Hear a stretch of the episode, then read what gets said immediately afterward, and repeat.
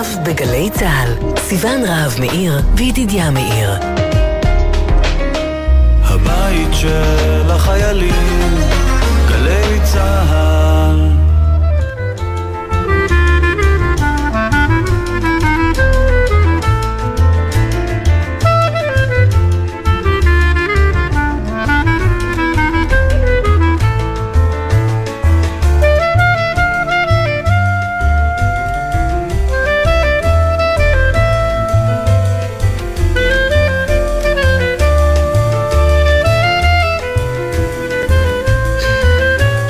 סיון. שלום ידידיה, שלום לצביקה אליהו, הטכנאי כאן בירושלים, ולשירה אימברט פומפן, העורכת שלנו באולפנים ביפו, ושלום, שלום לחורף. זהו, חורף טוב, רציתי לומר. ותשמעי, אם את רואה אנשים שמחייכים היום, טוב, מחייכים בגלל הגשם ומזג האוויר, ובכלל צפוי גם לתוך שבת ו- וכולי. אני, אני התחלתי לחייך ב- ביום רביעי, כשהחזאי מתן יעקב אמר לי, אמר לי בשידור, שהגשם אה, בפתח, יש לו את השקופיות האלה שהוא תמיד מראה מאחוריו, אתה יודע, וזה נראה כזה אחיד, שמש, שמש, שמש, שמש, זה מין גרפיקה כזאת כן. שעושים, אתה אומר, רגע, זה תקלה, זה, זה העתק הדבק, כאילו, מה, תסביר לי מה ההבדל בין ראשון לשלישי, כאילו, מה, מה עבודתך כחזאי, אתה יודע, אה, אה, כלום, צהוב, צהוב, כתום, כתום, שמש, שמש, ואז פתאום פרח, האייקון היפה הזה של טיפות, של עננים, כחול, אפור, אתה יודע, ממטרים, מגשמים, אני לא יודעת, מעונן חלקי, כל ה... פתאום חזרו המילים האלה, ו... וברוך השם, תשמע, כבר אמצע כסלו, אמצע נובמבר, ומה זה הגיע הזמן?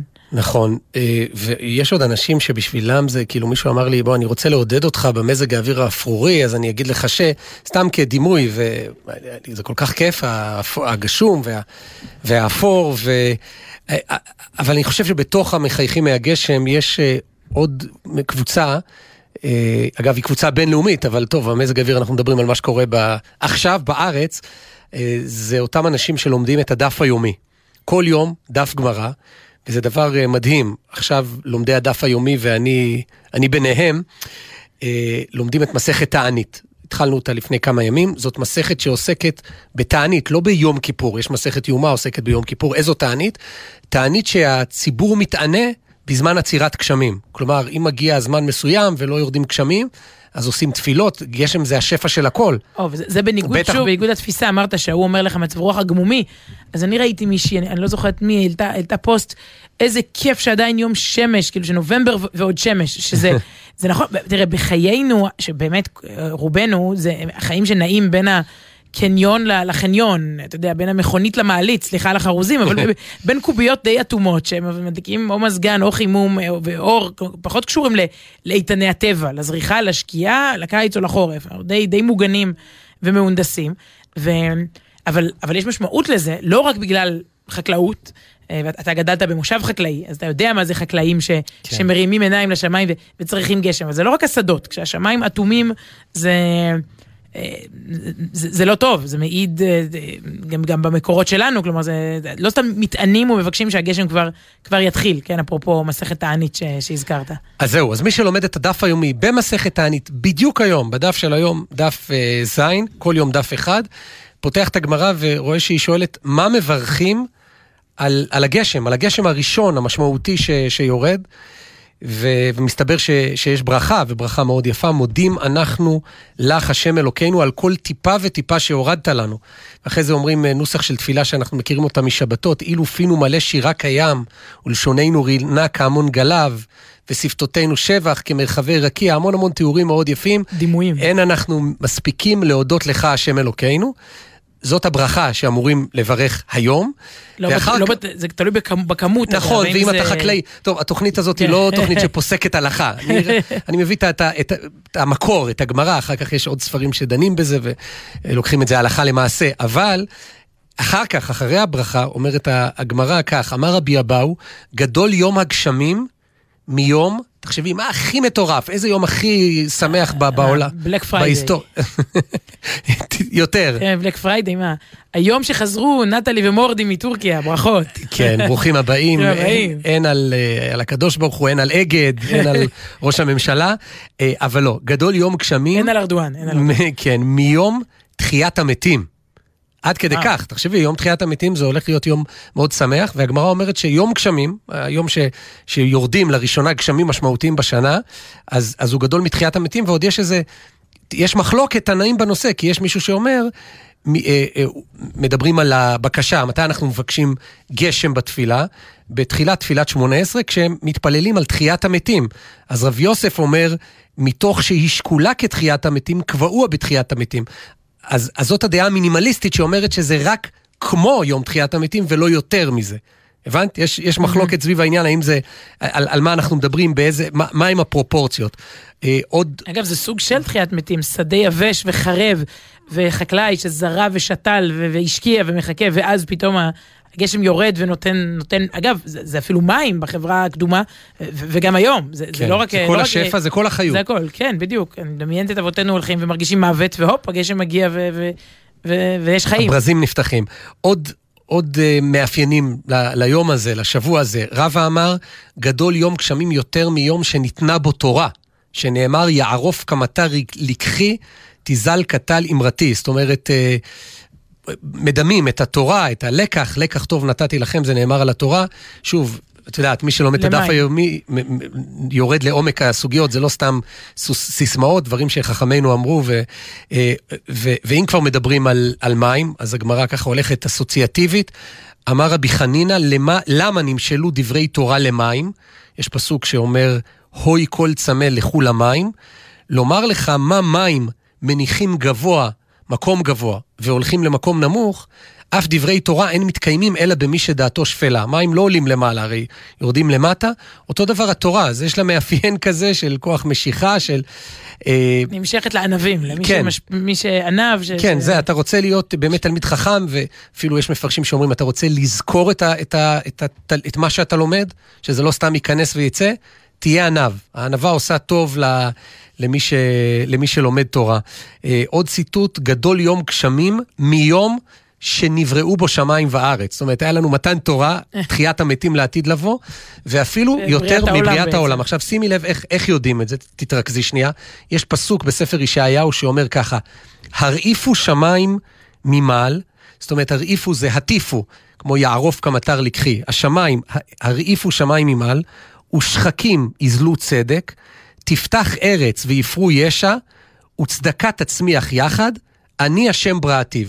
יש פה מאפיינים של כל הבריאה, שוב, לא ניכנס, שמיים, ארץ, עננים, ים, בריאת העולם, אבל על מה הקדוש ברוך הוא מתגאה ואומר, אני השם, לא בראתים את כל הדברים האלה, אלא בראתיו. מהכל הוא מזכיר דווקא את עניין הגשם. על כך גאוותו של, אה, של בורא עולם, ואחד אה, אחד לפני האחרון, אמר רבי הושעיה, גדול יום גשמים שאפילו ישועה פרה ורבה בו, שנאמר תפתח ארץ ויפרו ישע. זאת אומרת, זה יום, מעבר לעניין הזה של, של הגשם והחקלאות והשפע והחיים, זה יום של, של, של משהו טוב ש, שקורה בעולם. וזה מאוד מעניין, אותי זה הפתיע לראשונה, קראתי את זה הבוקר, וזה טקסט שאני אומר אותו שלוש פעמים ביום, מאז שאני זוכר את עצמי. בתפילה, מה אנחנו אומרים אה, בתחילת תפילת שמונה עשרה, אה, אלוקי אבותינו ו- וכולי, אה, משיב, אה, את יודעת, זה ללכת אחורה ברוורס, אז קשה, קשה לי להיזכר, אבל... שיעור מוריד הגשם. כן, לא, אבל זה, זה לפני זה, זה הולך, אה, מחיי מתים אתה, רב להושיע, משיב הרוח ומוריד הגשם. מה זה הסמיכות הזאת? רב להושיע, משיב הרוח ומוריד הגשם. זה, זה הולך ביחד. כשיש גשם, זה מגיע עם ישועה, ולכן אה, מצמידים את זה, ואמרתי לך שזה אחד לפני האחרון. הציטוט האחרון, מהדף היומי בדיוק של היום, לגשם, הוא דימוי מקסים, ממש, אחד המקסימים בעיניי בכל הגמרא, וזה גם היום. מתי מתחילים לברך על הגשם? מה, מהטיפה הראשונה, השנייה, מבול, שלוליות, שיטפונות בנגב? אמר רבי אבאו, ממתי מברכים על הגשמים? משיצא חתן לקראת כלה. מה זה אומר יצא חתן לקראת כלה? זה דימוי לסוג כזה של שלולית שיש כבר מספיק טיפות על הארץ, ואז כשמגיעה טיפה מלמעלה, היא פוגשת את הטיפה מ- מ- מלמטה, וכאילו יש איזה מין splash כזה, אז זה משיצא חתן לקראת כלה. זה, וואו, זה הדימוי. וכל זה צריך להגיד, הדף היומי היה יכול לעסוק היום גם בפסח. בשרב. באיך בונים סוכה, כן, בדיוק, בחמסין, כמו שאמרת. אה, מקסים, ותראה, אני חושבת שדווקא היום אפשר יותר להבין את הדברים האלה שמחברים שמיים וארץ. אנחנו בעידן של שיח של אה, אקולוגיה, שיח אקלימי מאוד, משבר האקלים, טמפרטורות עולות, אין גשם, יש גשם, בצורת, יובש, שרב. כלומר, המעשים שלנו פה משפיעים על הטמפרטורה העולמית, על זיהום, המעשים הפיזיים וגם המעשים הרוחניים, כלומר ההתנהגות שלנו, הקשר בין התנהגותנו פה לשמיים ובחזרה אה, אלינו. נדמה לי שדווקא היום רואים יותר את, ה, את הקשר הזה שחכמינו אה, מתארים פה, והאמת היא שאחד התפקידים של הגשם הוא, אה, לפני כל הדברים הרוחניים, פשוט לנקות, לשטוף. יש לו הרבה מה לשטוף, ושוב, גשמית וגם רוחנית. ומאיר בנאי כתב על זה את אחד אה, משירי אה, הגשם. איזו הברקה מוזיקלית, אני כן, בהלם. מקורי, זה, זה, כן. מכל השירים. פרס, כן, כן, זה גדול מיום שניתן בו הפלייליסט לשירי הגשם. הנה.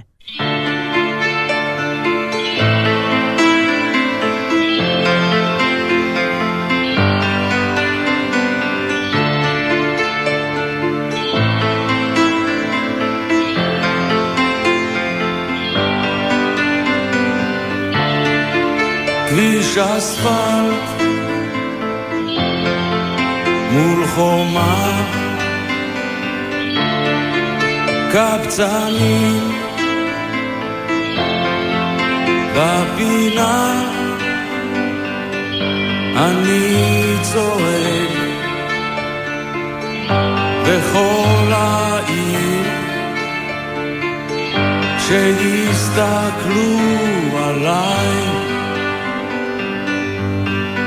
רק עליי.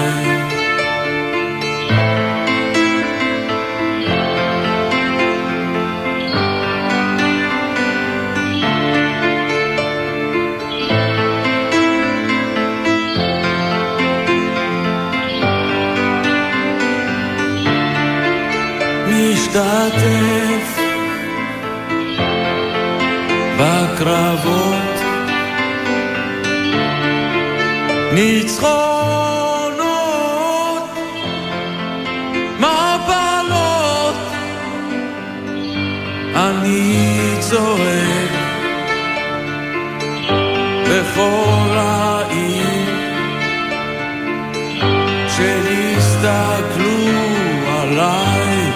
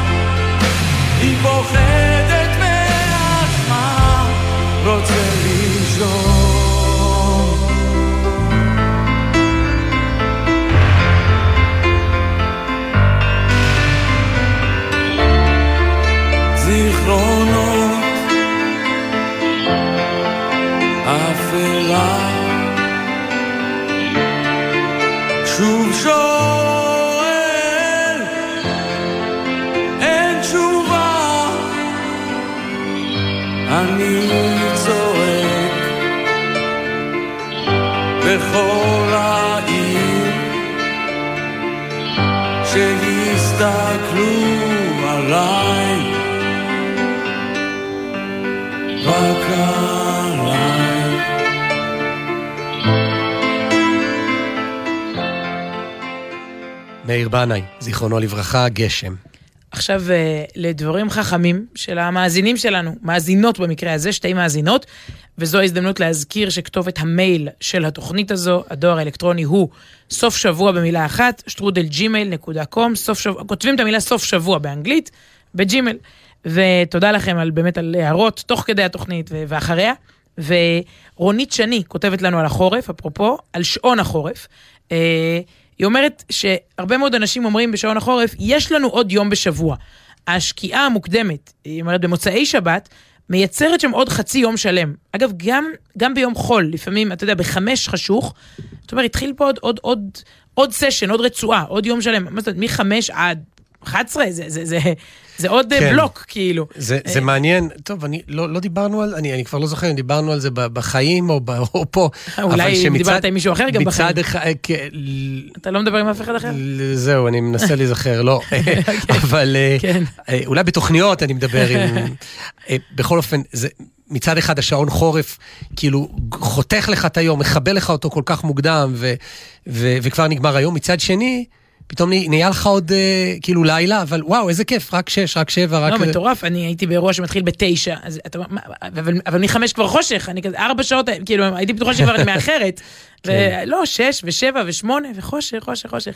אז אה, לי זה המאזינה... מזכיר קצת הימים שלנו בארצות הברית עם העבודה עם שעון ישראל, כי שם כבר כשנהיה 11, 12 בלילה, ואז עוד יום עבודה, כי בארץ מתעוררים. אז כן. פה זה כמעט ה- אוקיי. הדבר הזה בהשוואה לשעון הקיץ. אז רונית שני אומרת שבעיקר במוצאי שבתות יש הרגשה שקיבלנו עוד יום. כי כאילו יצאה השבת, התחיל, מוצאי שבת זאת יחידת זמן. והיא אומרת, רק התחלנו, זה נכון, אלה השבתות הראשונות ש, שבום, כמו, כמו שביום שני מפתיע אותך שחשוך, אז, אז אה, שבת נכנסת מאוד מאוד מוקדם. והיא אומרת, רק התחלנו, ואני מבקשת ליישר קו בעניין הזה כבר עכשיו. מוצאי שעון חורף זה לא יום עבודה נוסף. Mm. בבית הוריי נהגו להישאר בבגדי השבת גם במוצאי השבת. גם, ב- בבגדים. גם בבית הוריי. גם בבגדים החגיגים. בכללי, היא אומרת, היו מותירים לחלוכית של הקצב השבתי גם לרגעי הסיום האלה של השבוע. נכון, הם לא מקודשים מששת ימי בראשית, אבל הם סמוכים לשבת, הם יונקים מהקסם שלה. מוצא של שעון חורף הוא זמן נפלא. למפגש משפחתי, למשהו חברתי, כן, גם לעמול לאט לאט על משימות ימות החול ולהספיק דברים. זה מתקבל על הדעת אם זה נעשה מבחירה. אבל היא אומרת, זו פנייה נרגשת למעסיקים, למועסקים, ללקוחות, לספקי שירותים. אני מבקשת, קבוצות וואטסאפ, טלפונים, מיילים שהם לא דחופים, זה לא יכול להמתין ליום ראשון בבוקר. נראה לי שאת קוראת את זה יותר מרגש ממה שהתכוונה. כן, כן, לא, כי יש אני- לך ממש נהמה נכון. פה, מה? תראה, כל כך קשה לך, בסדר. אני לא המאזינה ששלחה את זה, אבל אני מאוד מזדהה. כי כן. היא אומרת, זה יקרה משהו אם זה ימתין עד הזריחה. זה נכון, אנשים, אתה יודע, אני כשומרת שבת, אנשים, כאילו, לא, גם שומרי שבת, כאילו ממוצ"ש, יאללה בלאגן, רשימות, משימות, עניינים, הלו אדוני, כאילו מה, תפנה, אני לא אומרת סנדיי, לא אמרתי, אפרופו אמריקה, הזכרת את זה קודם, אנשים שביום חמישי אומרים לך תחזור אליי ביום שני בבוקר, כן. כאילו זה אני הייתי מלא אנשים, מתפוצץ. כולם, מה זה אנשים? מיום חמישי, אני כזה יוצא מהאופיס, הוא סוגר את המשרד, חפש אותו כן. בשני בבוקר. זה. פשוט בלתי בלתי נתפס. כן, אבל תראי מה זה, אפילו שאת אומרת מוצ"ש, לי זה מפריע, כי סיפרת שעל הבגדים שהם נשארים בבגדי שבת, אצלנו ממש מקפידים על זה. מה זה מקפידים? זה, זה בכיף, לא להקפיד. אבל אפילו, לא תגידי, אתה נשאר מ... טוב, משבת, מה, תחליף, יוצא שבת, תחליף בגדים. גם אם אני צריך לצאת לאירוע במוצאי שבת, לא יודע, למפגש, ואני כבר מתקלח, כבר מחליף את הבגדים של השבת, אני חוזר לחולצה לבנה, לבנה? כי זה מוצאי שבת, וגם מפריע לי, סליחה, שאת אומרת מוצ"ש. אה, באמת? כי העלמת את המילה שבת ממוצאי וואלה. שבת. וואלה. זה לא גל"צ, זה את יכולה. אז תשמע, אה, אה, אה, אוקיי, אה, יפה. עכשיו תשמע רגע משהו שנזכרתי בו, אפרופו הזמינות הזאת. יש משהו בישראלים שמאוד מאוד זמין. אני זוכרת את זה, זה אחד הסיפורים ממש המכוננים, לדעתי, על ההבדל בין ארצות הברית לבין, אה, לבין ישראל. היינו צריכים לתקן משהו בטיסה, בכרטיס טיסה מסוים, דחוף מאוד, וזה היה יום חמישי, אתה זוכר? סליחה, שישי. ומשהו בין חמישי לשישי עם הג'טלגים, כאילו בין ניו יורק לישראל. ובניו יורק התשובה היא כל כך לקונית, אתה כותב מייל, זה סוכן ש- שעבדתי איתו, אני לא יכול לעשות את זה מהבית, זה משהו שהוא הזמין, לא משנה מאיזה ארגון, הוא צריך לעשות את, את הפעולה, שהיא מאוד פשוטה ומאוד דחופה וחשובה. ו... אה, אני, אני, אני מקבלת רק מענה אוטומטי כזה, של המשרד סגור ותתקשרו ב-Monday morning, כאילו. כן. גם, ו- רגע, צריך לומר, למה מייל, למה לא בוואטסאפ? כי וואט- כי זה לא. תגידי, מה, אני... חדירה אני- לפרטיות. זה- זה הטר- הטרדה, הוא מגיע, כן. מה זה, את- את- אני נשוי לך שאני אתן לך את הוואטסאפ שלי, כאילו, אני- ברמה הזאת, מדהים. מה- למה שיהיה לך וואטסאפ שלי, אני סוכן נסיעות, תכתבי מייל. או תתקשרי, תתקשרי למזכירה, היא תעביר אותי אלייך, דברים, כן. מה זה מיושנים. בקיצור, אה, פה בארץ, אה, גם חברה שלי, חיה סגל, שהיא סוכנת נסיעות, כן. זה היה יום שישי, אני, אה, נגיד, שעה לפני שבת. אני, אני כותבת לה כמובן וואטסאפ. לא, אה, לא, את משאירה הודעה קולית, למה לכתוב? נכון, זה נכון. הכי הפוך מאמריקה, ששם... נכון, שם צריך גם לכתוב, טוב, מה פתאום הודעות קוליות בוואטסאפ? כן. אה, לא, זה הולך ונכנס שם, אבל אה, אה, בישראל זה נכנס שנים קודם. ואז אני, אני כותבת לה, ואני זוכרת שהיא חזרה אליי, אתה שומע ברקע את המיקסר, כי היא בש, זה, זה, בש, של שבת. שבת. היא מכינה שבת, והיא תוך כדי חיה כותבת לי, מט- מטפלת, טיק טק, ו, ו, וזה בוצע. עכשיו, ההוא חזר ביום שני בבוקר למשרד, שולח לי מייל, שזה כבר לא רלוונטי, הכרטיס כבר לא, אמרתי לו, טיפלו לי בזה, תודה רבה. טופל. אבל זה, אבל, אבל אולי זה, שוב, אני מתארת את זה בהתלהבות, כי זה עזר לי אז. מי אמר שזה נורמלי, תגיד לי? מי אמר שנו, שאנחנו עובדים עד דקה לשבת, ממוצאי שבת, לצערי לפעמים גם בשבת, ו... ושם חמישי, ש- אתה יודע, ושם ארבעה ימי חול, אני לא יודעת מה, מה יותר מאוזן ושפוי, אבל נחזור למאזינה שלנו שהיא אומרת, בקיצור, לא יקרה כלום, מעסיקים יקרים, אם תמתינו עד הזריחה. תנסו להתייחס לזמן הזה כזמן פרטי. זמן שחושבים פעמיים לפני שגוזלים אותו. בנימה אופטימית זו אני אסיים, בציפייה למוצאי שבתות, ארוכים וגשומים, ערבי שבתות, ארוכים וגשומים, והרבה זמן איכות, שבת שלום ומוצאי שבת שלום. אז אה, נקודה למחשבה, לפני שמתנפלים על אחרים עם, ה- עם השגרה. והמאזינה השנייה שמה שמחה גואטה. היא שמעה פה בשבוע שעבר אה, את אה, הפרידה שלנו מפנחס רבי יחיא, זוכר? כן, שנפטר אותו סנ... סנדלר, סנדלר, סנדלר, כן, כן. שעליו נכתב, כך כך טענת, ברחובנו הצר.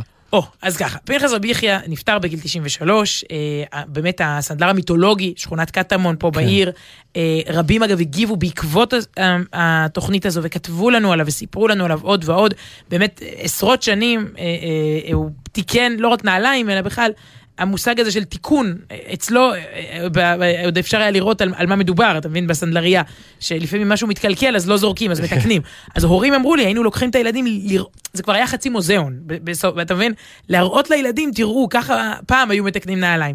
כן, באמת, את יודעת אה, שיש סיפור הרי מיתולוגי על רבי ישראל מסלנט, היה איש אה, אבי תנועת המוסר, והוא ככה ראה בכל דבר במציאות, אה, למד מזה כמה האדם יכול אה, לתקן את מעשיו וכ- וכולי, ויום אחד הוא הולך בשעת לילה מאוד מאוחרת בשוק וכל החנויות סגורות, אבל דולק אור, נר קטן אצל, ה, אצל הסנדלר, והוא, והוא יושב והוא מתקן. ואז הוא שואל אותו, מה, למה אתה, למה אתה לא הולך לישון? מה? הוא אומר לו, כל זמן שהנר דולק אפשר לתקן, שכל הזמן, כל עוד שיש ב- בששית, יש השישית, כן, כן. אז אפשר לתקן, ו- ורבי ישראל מסנט מאוד התרגש מהאמירה הפשוטה הזאת של הסנדלר. כל זמן שהנר דולק, כל עוד אדם חי, נר השם נשמת אדם, אז, אז אפשר לתקן. אה, כל, עוד חיים יש, יש מה לעבוד, אבל היום אין סנדלרים, אין נרו, הנר נכבה מזמן, החשמל דולק כל היום, ואף אחד לא מתקן.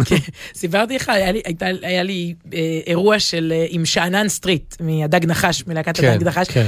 ודיברנו, פת- אה, מין דיבורים ושירים כזה, אה, והוא, התחלנו לדבר על אה, אזור חיוג 02 מול אזור חיוג 03.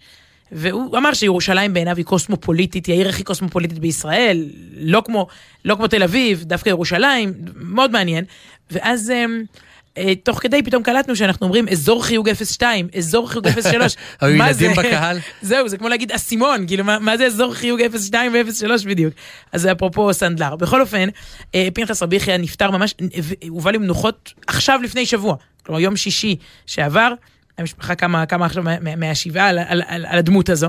ואמרנו פה, כי זה מבוסס על הרבה אתרי אינטרנט שמספרים עליו, ששני שירי ירושלים נכתבו עליו.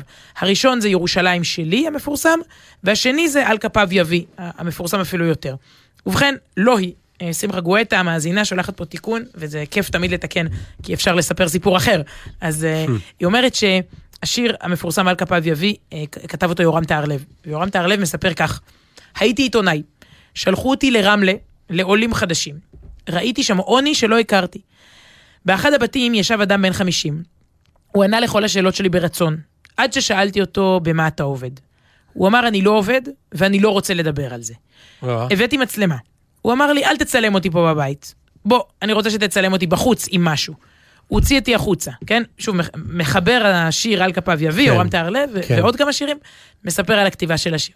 הוא הוציא אותי החוצה מהבית ברמלה, הייתה שם ערימה של קרשים וארגזים זרוקים, והיה שם ארגז גדול ועליו וילון. הוא הסיט את הווילון, הוריד אותו, ואמר כאן, כאן תצלם אותי, ליד הכיסא של אליהו הנביא. וואו. בתוך הארגז היה כיסא יפהפה. והוא אמר, זה המקצוע שלי. במרוקו אני עבדתי. עשיתי רהיטים בבתי כנסת. כשהגעתי לארץ עשיתי את הכיסא הזה, בתור דוגמה, להראות מה אני יודע לעשות. והלכתי מבית כנסת לבית כנסת, אחד לשני לחפש עבודה.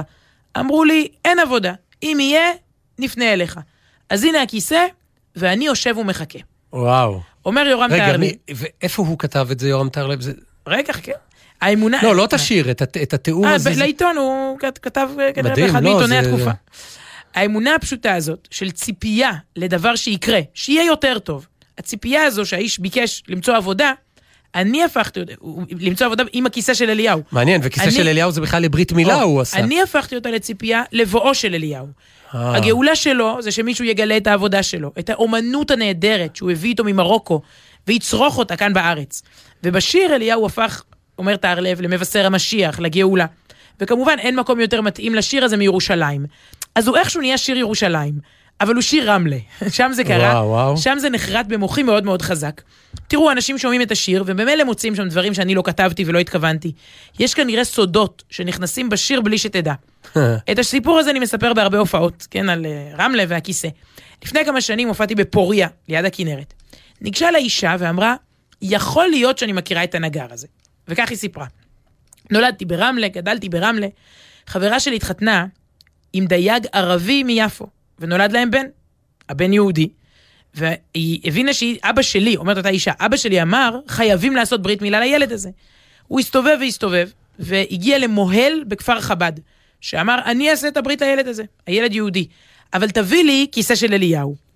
ואז, מרמלה, כן, האישה הזאת מרמלה, כן. כן. אבא שלה מארגן את הברית לתינוק של החברה וכולי, אבא שלי מסתובב ברמלה, ומוצא שם נגר, עם כיסא יפהפה של אליהו הנביא. וואו. הנגר הסכים לתת את זה לברית, וככה מוהל הרב מכפר חב"ד, אה, לוק- לוקח את הכיסא מרמלה, לא כזה רחוק, ועורך את הברית עליו, ומקבל אותו בסוף במתנה, על הברית, המוהל. היא אומרת כך, אני לא יודעת אם זה אותו נגר, אולי היו ברמלה שני נגרים שעשו כיסא של אליהו. אני לא יודעת איך קוראים, קראו אז למוהל מכפר חב"ד שעשה ברית לתינוק הזה, אבל לפי הסיפור, הכיסא אולי מסתובב שם, אולי במקום אחר, ולך תדע, אולי השידור הזה יוביל אותנו לכיסא, לנגר ולאליהו. מעניין, אליהו הנביא יש רק אחד אבל.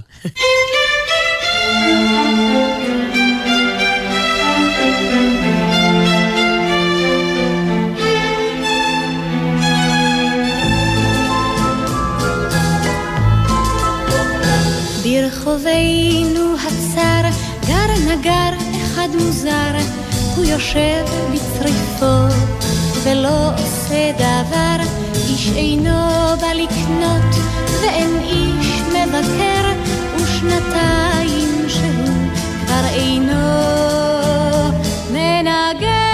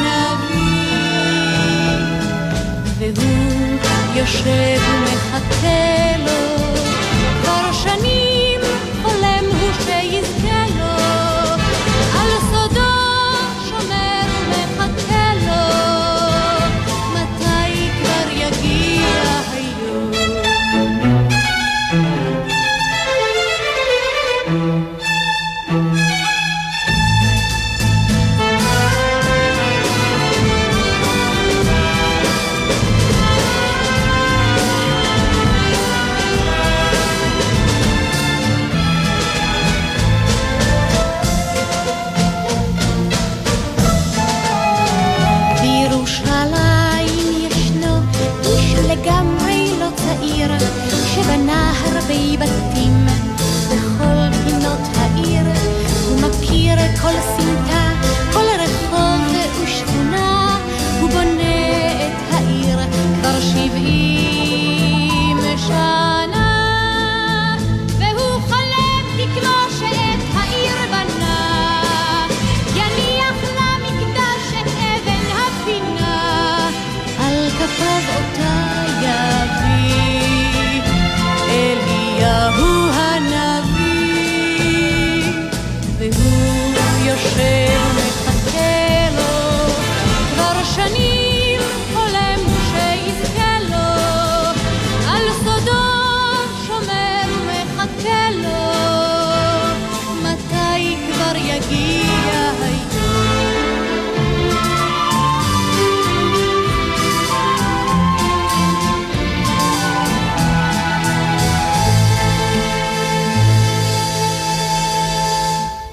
ועכשיו, אה, המדריך לשיימינג.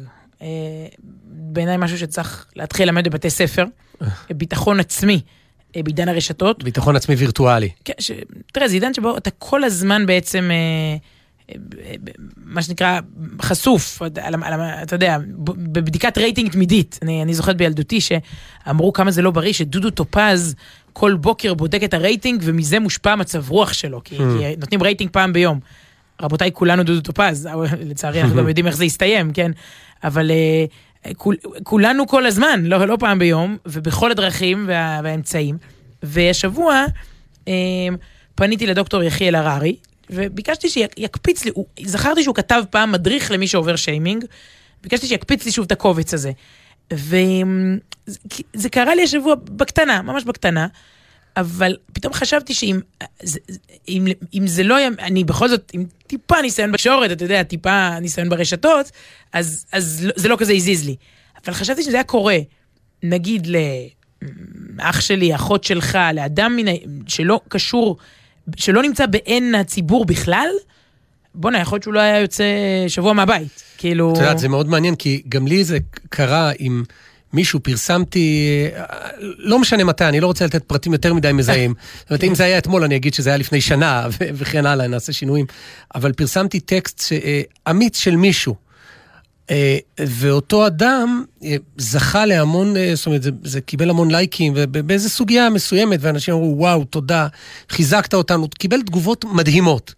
ואז שלחתי את הלינק עם ה, עם ה, לפייסבוק שלי, לאותו אדם שפרסמתי את הדברים שלו, תראה מה זה, תראה, וואו, אה, איך אנשים אה, תומכים בך, כמה היה חשוב לפרסם את הדברים, זה היה לא פשוט לפרסם את זה, זו סוגיה קצת מורכבת. ואמרתי, וואו, זה בטח נורא ייתן לו משמעות. הנה, היה שווה, התלבטנו כן לפרסם, לא לפרסם. תראה, תראה כמה לייקים, ומדובר באמת במאות ואפילו יותר. אה, מאוד זה הרבה? לא, אני לא סיוון רהב מאיר, אבל אה, לא, זה היה, זה, זה עבר את האלף, ואז אותו אדם אמר לי, כש- כשיש מאות זה אומרים שעושים לי שיימינג או משהו. תמשיך. שמה זה אומר? לא משנה, תמשיך. אוקיי, אה, שרוצים כשיש כאילו מאות, את- אני מרגישה שאני תחת מאות, מתקפת שיימינג, רק כן. מאות, טוב. אז אה, אותו, אדם כאילו חוזר אליי. סליחה, לא אותו אדם חזר אליי, בני משפחתו של אותו אדם אמרו לי, למה שלחת לו את הדבר הזה? אתה לא, לא מבין? מה, מה, מסתבר שלצד אלף ומשהו התומכים, או במושגים שלך זה היה עשרת אלפים, רק כדי שתדמייני, שתתחברי לסיפור, אבל היו שם גם את אותם מאה שיש בכל נושא שכתבו אה, נגדו. ברור, מה... מה- לך, מה אתה זה? ואותם מאה, זה באמת לא היה הלך הרוח, הלך הרוח, אחרת לא הייתי שולח, מה, אני רציתי... וזה שבר את ליבו, כאילו, מה, אנשים כותבים נגדי, ואיזה דיבורים, ולמה פרסמתי, ופתאום קלטתי שאני או אנחנו, או אפילו אני, שבמספרים באמת פחות, הרבה פחות אה, גדולים, אני רגיל לזה שלכל טקסט יש גם את האלה שאומרים, אה, מתקיפים ומשמיצים, זה, זה באמת לא, אם כותב את זה אדם שאני מעריך את דעתו, אז, אז זה פוגע בי, אבל הרבה פעמים אני, בסדר, זה, תמיד יש את האנשים האלה שכותבים. לא, אבל יש משהו, ב, ב, ב, הייתי קוראת לזה בגרות דיגיטלית. דמיין עכשיו לא אותך ולא את אותו חבר בסוגיה פוליטית ציבורית, ילדה שכותבים לה שמנה למען השם, אוקיי? כן. ופותחים פרופיל מזויף, ושם כותבים לה עוד יותר. טוב, זה דברים באמת מרגיש- קשים. לא, אתה מרגיש, אני אני אומרת, ביטחון עצמי דיגיטלי. ואז, באמת, מה שעשו לי השבוע, אני, טוב, אני כבר אספר, זה לא, הכל פה כזה חשאי. כתבתי בצורה מאוד מאוד ברורה את מה שמבקשת להגיד, משפחה של נערה שקוראים לה אפרת מצליח, זיכרונה לברכה. אה, שוב חיסונים? ש- טוב. משפחה ש, של נערה שנפטרה, ועשו עליהם איזה סיבוב מתנגדי החיסונים, ופנה אליי האח שלה ואמר, מבקשים להגיד שזה fake news, זה לא קשור לחיסון, זה גורם לנו צער, אנחנו יושבים שבעה, גם, גם אחיה וגם אחותה, ביקשו ממני רק לה- להשמיע את קולם, שהם לא אוהבים את הסיבוב שעושים עליהם, כאילו שכאילו היא נפטרה, אה, החיסון, החיסון חיסל את אפרת וכולי, ועוד תוך כדי שהמשפחה בשבעה. אז כתבתי את זה. ואז מה, מה שעושים, הטקטיקה, מישהי שלחה לי צילומי מסך, מה שעושים זה שיש קבוצות. הדברים האלה גם לא קורים סתם, אם אתה מרגיש תחת מתקפת שיימינג, 99 מישהו- מישהו מניע אותה. בדיוק. זה, אה, שלחו לי צילומי מסך מהקבוצות, יש מישהי שמנהלת עשרות קבוצות של מתנגדי חיסונים אה, אקטיביים, אני לא נכנסת פה לפולמוס, אפשר לנהל דיונים, אבל זה משהו מאוד מאוד אה, בוטה. שמה שם את הלינק. לפוסט שלי, ששם יש תמונה של הנערה, של אפרת וכולי, ומה שהמשפחה מבקשת להגיד, ובעצם אומרת לכולם, קדימה הסתער. אז כולם קדימה מסתערים, זה מאורגן, אה, אה, זה לא אורגני, זה, זה לא, מאורגן. זה לא מחמיא ואז- לא שמתנגדי יודע, חיסונים תוקפים אותך, סימן כן, זה. שהצלת חיים. כן, אבל אני אומרת, אנשים, שוב, פג... ראית אותי באותו ערב, לא, לא הייתי נסערת, ועדיין אני חושבת שיש פה כוח... ראיתי אותך באותו ערב ואני שומע על זה עכשיו לראשונה, אז כן, לא אבל הייתי פה סרט. כוח, יש פה כוח, לא משנה, ואם זה יהיה מחר על משהו אחר, עזוב, נושא שיותר קרוב לליבי, או, או בכמות יותר גדולה שלפעמים מפחידה אותך. עכשיו, יש כל כך הרבה דוגמאות של מקרים, אפילו של אנשים שטעו לבסוף וגם שלחו יד בנפשם, אבל אני מדברת על, שוב, נחזור לאותו אותו חבר שלך, שבעצם 100 אנשים כותבים נגדו, והוא לא נושם. כלומר, זה, זה עניין של חמצן, זה עניין של, של, של דופק, של קצב לב.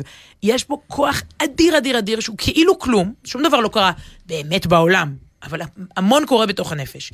אז כתבתי לדוקטור יחיאל הררי, שאני מבקשת שישלח לי את המדריך הזה שלו, בעיקר לאדם הפחות מיומן, כי אתה יודע מה, אני חושבת שכמעט כל אדם בחייו מתישהו זה יעבור את זה, זה יכול להיות גם בקבוצת וואטסאפ כיתתית. לא אמרתי, כן. יפיצו אותך בקבוצות, אבל, אבל עשר אמהות כותבות נגדך בקבוצה של הגן. גם זה משהו, אני אומרת אוי לך, ואבוי, זה באמת מפחיד. זה יותר, יותר. כן. אתה יודע מה, זה, אני אז, אז אני אצטרך, אה, טוב. אז, אז הנה, אוי. זה מה שיחיאל הררי כותב לך למקרה כזה. שופכים את דמנו ושותים בכפית, כך היום בצהריים תיארה עורכת הדין הדס פורר גפני מהפרקליטות, בעימות רדיופוני עם איילה חסון, בפרשת דריסתו של הנער גל בק, זיכרונו לברכה. היא נשמעה נסערת, לא מכילה את הסיטואציה ואפילו במצוקה. מבחינתה, האשימו אותה בשחיתות. היא לא הגיבה כפי שהיה מצופה מעורך דין בכיר וממילא התקשתה לגייס את אהדת המאזינים. רק ברגע האחרון של הריאיון היא התעקשה וענתה את התשובה שנדרשה לענות מלכתחילה, תיעשה בדיקה מקיפה על ידי ועדת הערר. טוב, זה סיפור שבזמנו הסעיר, זה הדריסה של הנער, והתיק שהיה מורכב, אבל הנה, אתה רואה שכאן... תראי, זהו, לוק- לקח לי זמן כן. על להבין על מה מדובר. ייתכן ונחשפת לפנינו עוד פרשת שחיתות מסועפת, שלא היינו רוצים להאמין שהיא יכולה להתקיים. ייתכן גם שהכל הוא פרי קונספירציה וצירופי מקרים. כך או כך, מקולה של הדס, אותה עורכת דין, עלה שהיא באמת חשה ששותים את דמם של אנשי הפרקליטות. אפשר סוגריים קטנים? בכיף, המק- גדולים. אסור, עורכי דין, שוטרים, קצינים, לא יכולים להגיב ברשתות. זה עוד יותר חזק. אני זוכרת שסיפרה לי מישהי, עובדת, עובדת מדינה, ששופכים את דמה, אה, תרתי במרכאות, אבל תחשוב על הביטוי הזה, נכון, זה רק ברשת, אבל, אבל משתמשת בביטוי מזעזע, שופכים את דמי, והיא גם לא יכולים להגיב. לא תמיד הם צודקים, לפעמים הביקורת צודקת, אני לא נכנסת לזה. זה מאוד, אבל- את, את ממש מעוררת אצלי אמפתיה, אנשי הפרקליטות המסכנים שלא יכולים להגיב, את יודעת מה, גם השופטים בבית המשפט העליון שתוקפים אותם, הם לא יכולים להגיב ברשתות החברתיות, רק לקבל החלטות שרירותיות שהם סוגרים את ה... לא יודע. מה. בכל אופן, להבדיל, הוא כותב, זה מקרה מאוד זכיר לצערנו, גם תת ניצב אפרים ברכה חש את אותו עליהום. אני לא רוצה להיכנס כאן לניתוח החברה הישראלית ולהשפעות של הרשת על מצבים נפשיים. זה בהחלט צד אחד של חשבון הנפש. המצב הנתון כרגע הוא שהרשת מעצימה את אפשרויות העליהום. כל אחד יכול בקלות רבה יחסית לשלוח חיצים, להלבין פנים, לפגוע, להעליל, בין אם על בסיס אמיתי ובין אם על בסיס שקרי. היתרון של הרשת הוא במהירות התפוצה ובכך שכמעט בלתי אפשרי להסיר את הכתם. הוא שם וכנראה כמעט לתמיד. העליהום הזה הוא הרסני לנפשם של בני נוער ואנשים בעל נפש עדינה, אבל לא רק.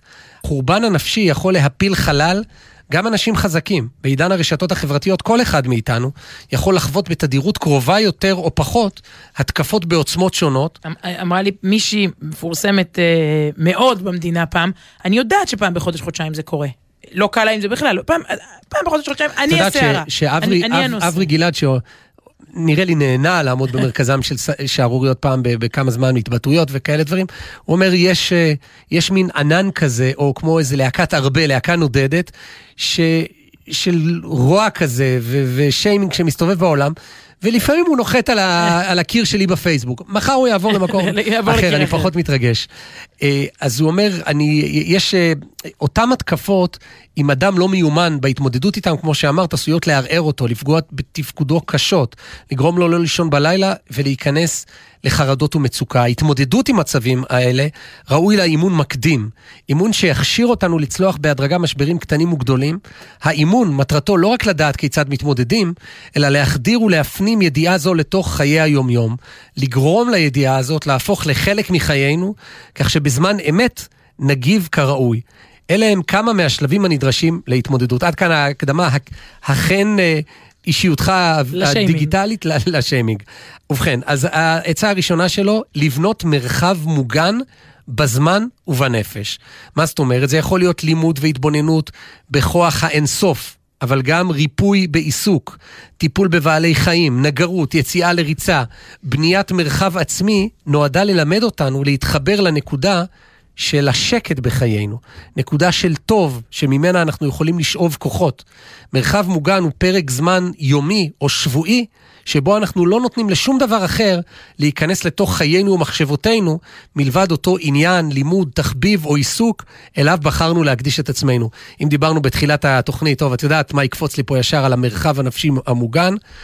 הדף היומי, למשל, בשבילי. זה ל- עוגן עוגן של שפיות. חבל על הזמן. גם ב... אנחנו מספרים על השמחות הפרטיות בתוכנית הזאת, או ש... אה, למה לא? מה. המדיניות? אז מזל טוב, סיוון, לרגל בר המצווה של בנך, ברוך אה. אה, השבוע, ואת יודעת, זה, זה, מדהים, כי אני תמיד מדבר על הדף היומי שזה עוגן של שפיות ויציבות בקורונה, הכל לא יציב בחיים, ועבודה, וטה-טה-טה, ותדע, לא משנה מה יהיה, יסגרו את כל העולם, יהיה סגר, לא זה, אתה יושב עם אותו דף גמרא, זה, זה, זה חתיכת עוגן. אבל השבוע חוויתי את העוגן הזה כ... מהצד השני. מהצד של השמחה. גם שם אתה צריך עוגנים, ברוך השם שתמיד נצטרך רק עוגנים לשמחות. אבל זה גם משהו מטלטל, סערת זה, גם הרבה לחץ לפני, וגם הרבה התרגשות, ואחרי, ו- ו- ו- ושמחה גדולה. ופתאום יש לך, גם ביום של הבר מצווה, גם למחרת בבוקר, גם היום בבוקר, גם... יש לך את העוגן הקבוע, זה דבר uh, מדהים. זאת אומרת, דווקא מהצד של ה... לא, לא פחות מהצד של השמחות. והוא כותב, מרחב עצמי הוא מקום שבו אנחנו לומדים להיות ממוקדים רק במטלה שלפנינו. אנחנו לא נותנים דרור למחשבות, אנחנו מאפשרים להם, סליחה, אנחנו לא מאפשרים להם לברוח למקומות רחוקים ולא לעסוק בשאלה מה יהיה. בשל הבידוד המחשבתי זהו מרחב פנוי מדאגות וחרדות. הפרקטיקה הזאת מזכירה במקצת את טכניקת ההתבודדות. היא נועדה להראות לנו שגם בעולם רועש יש לנו עצמיות ואנחנו יכולים לבחור להתחבר אליה, עצמיות שבה הרעש של פייסבוק, של העיתונות, לא יכולים לחדור. ואותו מיקוד בדבר שהוא חלק מבניית מרחב פנימי, אמור להוכיח את עצמו ולעזור לנו כשאנחנו יוצאים מהמרחב המוגן, חזרה להתמודדות, לעליהום, כי אתה לא יכול להיות לשיימינג, ל- כן. ל- ספון בחדר, וכן, אנחנו חוזרים להתמודדות. טעונים בכוחות ובידיעה שיש מקום לנחמה, יש מקום שטוב לנו בו, וממנו אנחנו יכולים להתעצם. מרחב מוגן, הערה חשובה, היא לא אסקפיזם. העליהום הוא מה שנרצה ללמד את עצמנו כמציאות אשלייתית. המרחב המוגן הוא הדרך להתחבר לשקט, שהוא חלק ממה שאנחנו רוצים ללמד את עצמנו לחוות כמציאות אמיתית. זה, כן. זה לא בריחה, זאת המציאות בעצם, זה מה שהוא אומר. יפה. נקודה שנייה, להסיר את הגורם המאוים. והוא כותב כך, רוב האנשים, דוקטור יחיאל הררי, רוב האנשים שיכתבו עליהם דברים שליליים, או שיאשימו אותם בשחיתות, בטמטום או ברוע, יחוו את הקיבוץ. קיבוץ משתק שגונב איתו את טעם החיים. הקיבוץ משתק באותה מידה, בין אם הדברים הם נכונים ובין אם לאו. המקור לקיבוץ איננו תחושת העצמיות שלנו, או המקור הנשגב והנעלה של האדם, אלא תחושת הישות, האגו, אם תרצו. איך מטפלים באגו מאוים שחוטף חיצים? הדרך המהירה והיעילה לטיפול היא להתרכז בזולת. לצאת ולהתנדב, לעזור, לתת צדקה ביד נדיבה. יציאה מעצמנו והתמקדות בזולת תהפוך אותנו לפחות פגיעים. היא תגלה לנו עולם שלם שם בחוץ, שבאמת צריכים אותנו בו, או שבאמת אנחנו יכולים לתרום בו, וזה מאוד נכון, ככל שאתה יותר נרקסיסט, יותר עסוק בעצמך, והיה כדאי לי, והייתי, ונכון, וזה אני, זה לא אני, מהמקום שלי, כל מיני כאלה... אה, אה, אתה הרבה יותר פגיע, כי אתה... כי אתה במרכז. שאתה במרכז, ברגע שהמבט שלך החוצה, זה, זה יש- שונה קצת. יש יוצר אה, מיוחד, קוראים לו נועם יעקובסון, שכותב בגילוי לב, שכל פעם שהוא נכנס לדכדוך, הוא יוצא לנגן בבית חולים. הוא אומר, זה לא בשבילם, זה בשבילי. אני, אני, אם, אם, אם האני שלי פגוע, אני יוצא, אני יוצא מהאני אל, אל האנחנו, אל ההוא, אל ההיא, אל הזולת, ו, כן. וזה זה אני, ריפוי. אני, זה מעניין, אני קורא אותו, את אה, נועם יעקובסון, וזה לא רק, הוא, הוא שם תמונות מאוד קשות שהוא נכנס למחלקה הכי נוראה וזה, לנגן שם ולשמח חולים, וזה מה שנותן לו את הכוח. כן. זאת אומרת, לא, זה מסביר למה. כי, כי רגע האגו שלו בצד, ו, ו, ו, אז, אז האגו גם פחות פגיע, כי, כי זה לא המרכז של העולם. כן, נקודה שלישית מתוך ארבע נקודות, ירו בכם, לא בהכרח צריך להשיב אש. תגובה דרוכה ומסתערת יכולה להיות ראויה רק אם היא רציונלית, כלומר תוביל לתוצאות הרצויות והנדרשות. בדרך כלל תגובה לוחמנית תוביל אתכם להיאבק עם המנוול, היא תגרום לכם להיות אזוקים בהאשמות כנגדכם, היא לא תיתן לכם מנוח ותגרור אתכם מטה להתבוסס בקרבות ההתשה שפוצעים את הנפש. בדרך כלל, מי שהוא ירה לא באמת מתעניין בכם. לכל תגובה שלכם תהיה, תהיה לא- לאותו, לאותו יורה, לאותו מחסל, תשובה רעה. יש להם קהל שהם רוצים לספק לו את ליטרת הדם הנדרשת כדי להתקדם ולזכות בתשומת לב. בדרך כלל מדובר באנשים ממורמרים שלא עושים על עצמם עבודה רוחנית. במקום להאיר את סביבתם, הם, לה, הם מתעקשים להחשיך אותה, ועצם הידיעה הזאת אמורה להקל עליכם. עד עתה סיפקתם לאנשים האלה מספיק, אל תיתנו להם עוד. ברוב המצבים, בייחוד אם באמת טעיתם בהתנהלות עבר, עדיפה תגובה מידתית שמפוצצת את, את, את הבלון. יכול להיות שטעיתי, נבדוק, נפיק לקחים, אנחנו לא מושלמים, ורצוי שתגובה מעין זו לא תהיה מה, מהשפה אל החוץ, אלא באמת ובכוונה. אה, אני רוצה, אה, דו, לפעמים, אה, זה- נכון, אה, אין מה לרדת ולהשיב ולהגיב, אתה רואה לפעמים אנשים תחת מתקפת שיימינג שעונים לכל תגובה, ואתה רואה שהם לא, הם לא בטוב, בוא, ת- תישן כמה שעות, זה לא, לא טוב, לא, אתה פזיז וכולי. מצד שני, לפעמים, אתה יודע שיש הרי ביטוי כזה, נאום המעלית, אתה מכיר את זה, שלפעמים אתה, אתה רוצה להגיד משהו, לא אומר, ואז במעלית או במסדרון, נאום המסדרון, כן. כשאתה יוצא מה, מהפגישה, מהבוס, וה- מהבוס, במעלית במסדרון אתה, למה לא אמרתי ולמה לא עניתי ולמה לא עשיתי, אתה מתייסר. אני מכירה אנשים, אני 20 שנה יש לי, למה לא אמרתי שם את זה ואת זה. אז לפעמים אתה, יש סערה, יש לך מה להגיד, תגיד בצורה מתונה, נורמלית, אבל אתה יודע, אם משקרים לגביך, אתה, אתה, אתה, אל תסחוב את זה כל החיים, אני לא אענה להם. תענה, אבל כמו שהוא אמר פה, בצורה נורמלית, מדודה, אה, אה, הכי טוב, אני חושבת, אין לו את זה בעצות, להתייעץ עם מישהו אחר. שישקף לך רגע מהצד מה, מה קורה. אה, ממש, אה, אתה יודע, שמישהו יסתכל מהצ, מהצד על, ה, על הסיפור הזה. לי היה השבוע נאום מעלית כזה, אבל באמת נאום מעלית. נסעתי עם מישהו במעלית, אני עדיין לא מגלם מי ומה, זה, זה קצת מאחורי הקלעים של איזה שיר שעומד לצאת. מישהו ביקש ממני לבקש רשות מאומן מאוד ידוע לבצע את השיר שלו. ונסעתי איתו במעלית, זאת אומרת, היינו באיזה מקום ונכנסנו שמונה קומות מלמעלה למטה, ואמרתי שמונה קומות, כן, זה יספיק לי לשכנע אותו, להסביר לו, שייתן את אישורו. ובין קומה שמונה לשבע הוא אמר, מצוין, איזה יופי, תשלח לי את השיר. אז uh, נשארתי שבע קומות אחרי זה למטה בלי מילים. כשהשיר יצא, אז תזכרי, כן. אני, אני אגלה מי, מי, זה ה, מי, נסע איתי במעלית ומה יצא מזה. נקודה רביעית ואחרונה במדריך של הדוקטור יחיאל הררי, אכן, אכן... אה, נפשך. נפשך לשיימינג, סוד הנקודה הטובה.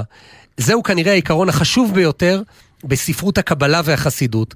הפנימיות שלנו היא דבר מרומם ונשגב, ולא ארון שלדים שצריך לטפל בו. יש לנו, כמו שאומר רן ובר, זה כותב שהוציא הרבה, הרבה ספרים, מדריכים רוחניים בשיטת ברסלב, ספרים מאוד uh, יפים. יש לנו נקודה טובה, זה אומר uh, רבי נחמן, יש לנו נקודה עצמית שלא מושפעת ממה שאומרים עלינו, ואפילו לא ממעשינו. גם אם פישלנו, הנקודה הזאת תישאר טובה ותימצא שם עבור- עבורנו. זאת נקודה עצמית משמעותית. הבעל שם טוב התאמץ לשכנע את שומעיו שיאמינו בעצמם, יאמינו בכוחם ובהשפעת תפילתם. היכולת לראות טוב, להיות אופטימיים, לגבש מחשבות חיוביות שדוחות את המחשבות השליליות, היא תוצאה של אימון. בכל תמונה של המציאות צריך להתאמן לחפש את החיובי והמועיל, ולא את השלילי והמאיים, לגלות את סוד הנקודה הטובה, זה הספר של אה, ובר, נכון? משהו סוד כן. הנקודה הטובה, זה אולי הדבר החסר לנו ביותר. הגילוי יגרום לנו להאמין בעצמנו, להאמין שמותר לנו להיות, מותר לנו לקבל את עצמנו, גם אחרי טעויות. והוא מסיים, מה שיכול היה להציל את כל מי שנפגע משיימינג קשות, הוא לא לפתח אור של פיל, חוסר רגישות ואף אדישות. כדי להתמודד עם מצבים של עליהום, צריך להסיר את הגורם המאוים, וצריך לדעת להסיח את הדעת, למקד את זמן התגובה והעיסוק במשבר, ובעיקר להאמין בעצמנו, זה בעצם סיכום של כל מה שהיה כאן בדקות האחרונות, בטוב שבנו. גם אם אנחנו לא מושלמים, שבועיים של התנדבות בבית חולים, במחלקות שבהם אנשים נאבקים כדי לחזור לתפקוד נורמלי, בכוחם להסיר את כל הדאגות והחרדות מפני העתיד. כל אחד וה, וההתנדבויות שלו, כן, הוא, פה, זה הדוגמה ש, שהוא נותן. יפה.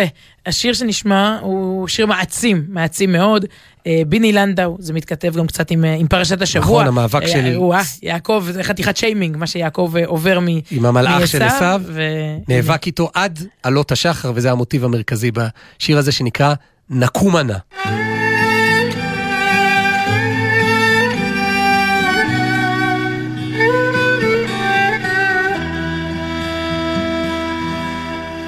נא. נקומנה סובבה בעיר, בשווקים וברחובות, נבקשה את אהבתנו, בארץ לא זרועה להמשיך ללכת, ובכוח זיכרון אחד ישר, לעבור כל מדבריות נפשנו. נקומנה סובבה בעיר, בשווקים וברחובות, נבקשה את אהבתנו, בארץ לא זרועה להמשיך ללכת, ובכוח זיכרון אחד ישר, לעבור כל מדבריות נפשנו. ואם ניוותר לבד בחשכת לילה, רק להחזיק מעמד עד עלות השחר.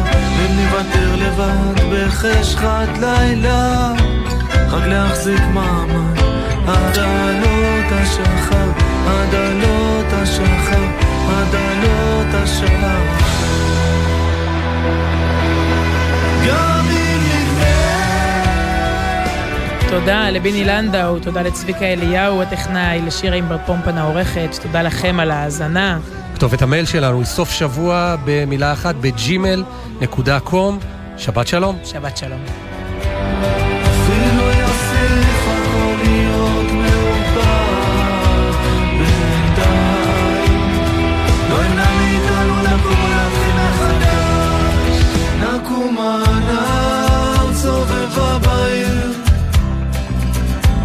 בשווקים וברחובות. נבקשה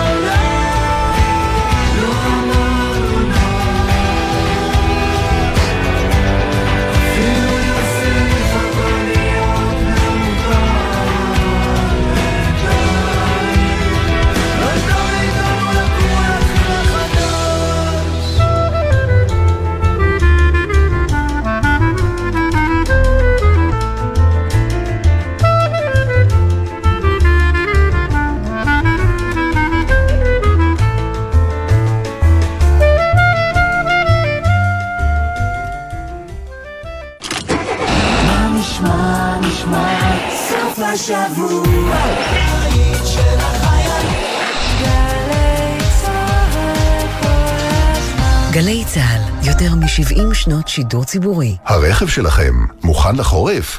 אם טרם הספקתם להכינו, היכנסו לאתר איגוד המוסקים בכתובת iga.org.il